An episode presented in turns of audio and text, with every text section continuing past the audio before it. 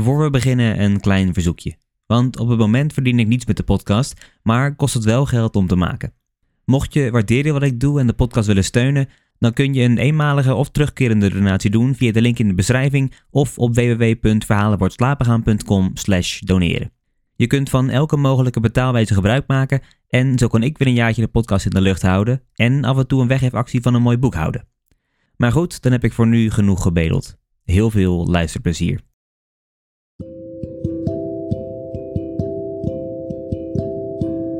Hallo allemaal en welkom. Mijn naam is Mike en in deze aflevering lees ik voor uit de Saamhorigheidsgroep van Marijn de Boer. Dit is Verhalen voor het slapen gaan.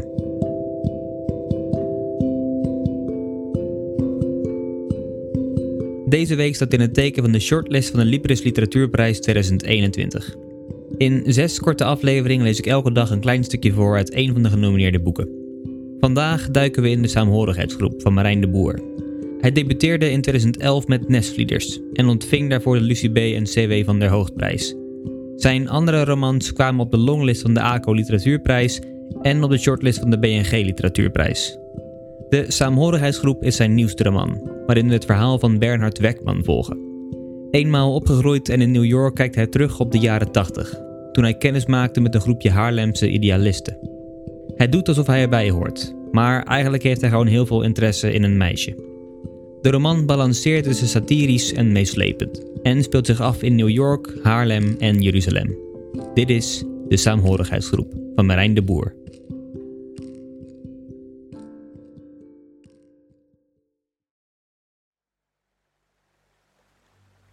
De Saamhorigheidsgroep. Deel 1. New York 2018. Hoofdstuk 1. Ambassadeur Bernard Weckman, permanent vertegenwoordiger bij de Verenigde Naties in New York, stond ergens tussen drie en vier uur s'nachts voor het raam van de Nederlandse residentie aan Beekman Place. Dronken, uitkijkend over de East River, Roosevelt Island en de lichtjes van Long Island City. Zich afvragend hoe het ook alweer zat met die beroemde uitspraak. Wie jong is en links. Nee, zo was het niet. Hij nam een slok wijn en dacht na. Wie jong is en rechts heeft geen hart. Wie oud is en links geen verstand. Ja, zo was het.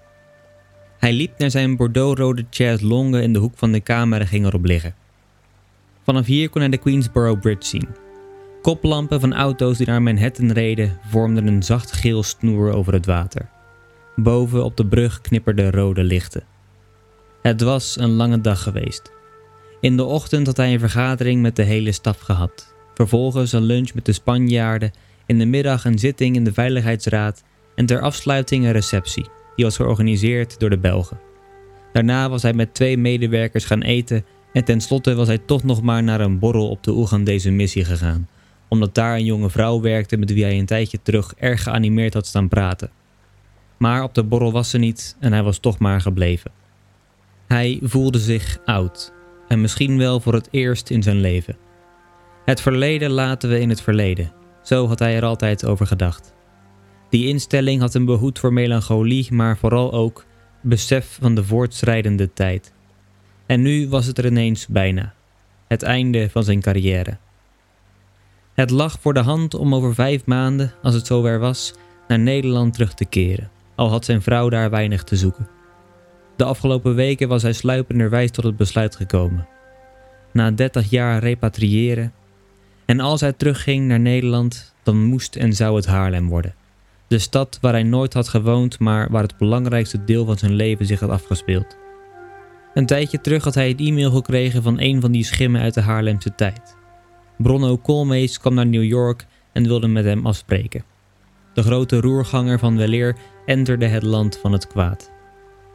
Hij kon zich er geen voorstelling van maken, van Bronno in Amerika. De gedachte aan een lunchafspraak van morgen, over minder dan acht uur nog maar, maakte het onmogelijk om te gaan slapen. Hij dronk zijn glas wijn leeg, liep naar het bureau in zijn werkkamer terwijl hij met één hand zijn das losmaakte, zijn kaak omhoog wijzend en ook zijn ogen merkwaardig genoeg naar het plafond gericht, alsof het ontdassen iets was waarbij je omhoog keek. Flauwekul natuurlijk, en toch keek hij altijd naar het plafond als hij zijn das afdeed. Zoals hij er ook op een dag achter was gekomen dat hij zijn tanden altijd poetste met één hand op zijn rug. En dat zijn rechtervoet altijd vreemd naar buiten stond gedraaid als hij op de wc zat. Dit soort merkwaardigheden had hij niet bij zichzelf ontdekt, maar had hij van Misaki moeten vernemen, toen een groot deel van zijn leven er al op zat. Hij bleef bij zijn eikenhouten bureau staan. Het blad was ingelegd met oranje leer, de lades hadden bronzen handgrepen en aan de zijkant zat een grote verticale barst. Hij had het bureau al 38 jaar. In 1980, een paar weken voor de kroning van Beatrix, liep hij aan het begin van de avond langs de Prinsengracht. Tussen de Noordermarkt en de Westerstraat zag hij een oude man en een oude vrouw een van de twee laderblokken haast komisch langzaam naar buiten tillen. Stapje voor stapje schuifelden ze door de hoge deur van het grachtenpand, pauzeerden even op het bordes en begonnen vervolgens traag aan de afdaling van de beletage naar de begane grond. Op het moment dat ze de stoep wilden oversteken, kruiste Bernard hun pad. Wat zouden ze ermee gaan doen? vroeg hij zich af. Maar hij zei niets, groette met een glimlach en slenterde verder. Het was een ideale lenteavond voor een wandeling. Koud nog, maar je rook aan de lucht dat de winter voorbij was. Hoewel het nog licht was, brandden de lantaarnpalen al. In een verwaarloosd bootje lag een junk te slapen, met zijn schoenen uitstekend onder het blauwe zeil. Aan de overkant liep een groepje studenten. Bernard wandelde de hele gordel af, aan van alles en nog wat denkend toen hij bij de Amstel kwam.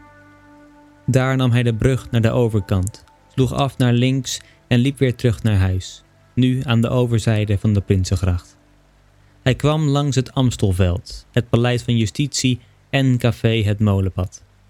Toen hij bijna weer bij de Brouwersgracht was, zag hij het bureau staan.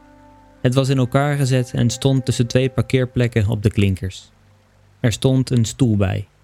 Je kon er zo plaatsnemen om te gaan werken.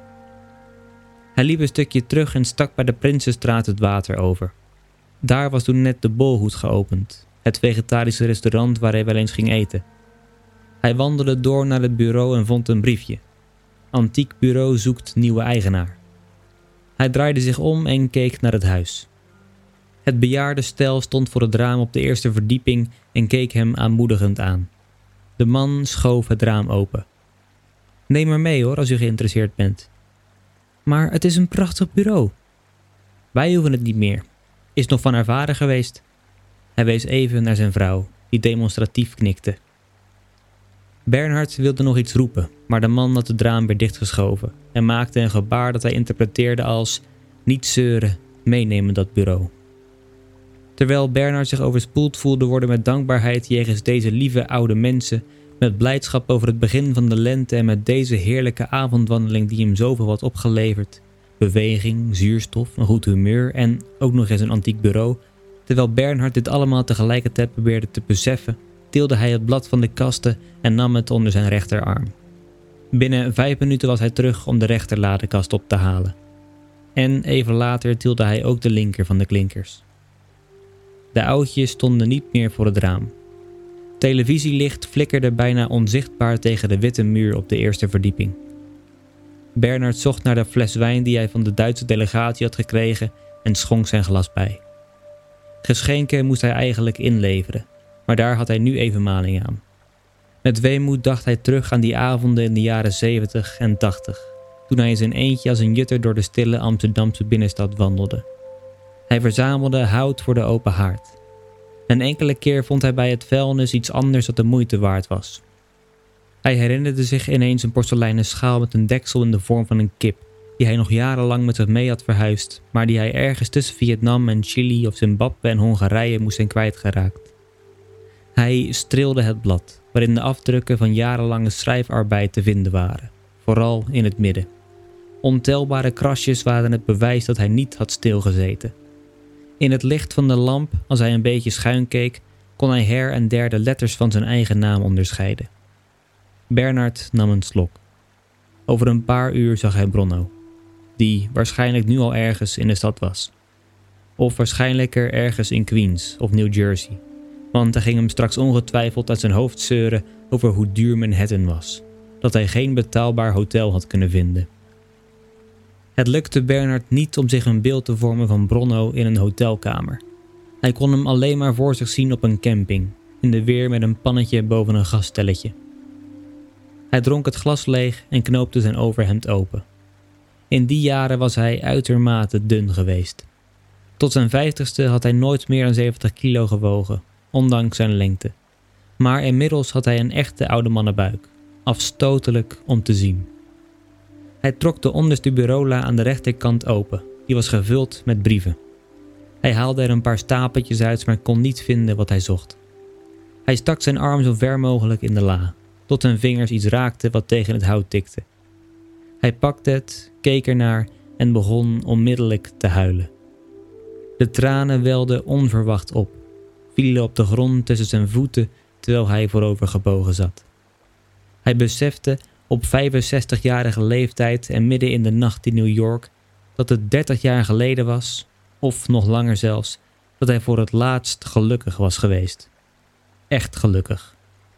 Dat hij de decennia daarna eigenlijk maar half geleefd had, denkend dat er weinig viel aan te merken op zijn leven.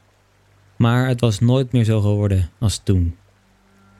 In zijn handen lag een kinderlijke ketting van schelpen, met elkaar verbonden door een bruin touwtje. Hij liet de schelpenketting op het bureau glijden, stond op en zette de fles aan zijn lippen tot er niets meer in zat. Vervolgens liep hij terug naar het raam, balde zijn rechtervuist en begon de internationale te zingen, met openhangend overhemd, kijkend naar het FDR-monument in het midden van de East River. Ontwaakt verworpene der aarde, ontwaakt verdoemde in hongersfeer.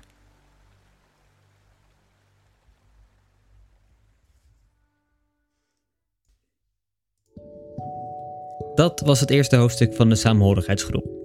We zien hoe Bernard leeft in New York en in zijn gedachten teruggaat naar de jaren 80.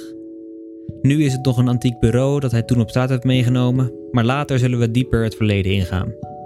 We zullen zien hoe hij kennis maakt met de leden van een saamhorigheidsgroep en we zullen ook hun verhalen te horen krijgen. Aan het einde van dit hoofdstuk krijgen we al een belangrijk gegeven mee: dat Bernard eigenlijk al heel lang niet meer echt gelukkig is geweest. In de rest van het boek ontdekken we dus de periode waarin hij nog wel echt gelukkig was.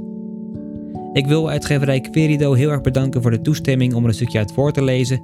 En mocht je nou geïnteresseerd zijn, dan is het boek te bestellen bij je favoriete boekhandel of op de site van uitgeverij Querido. Voor ik afsluit nog één dingetje.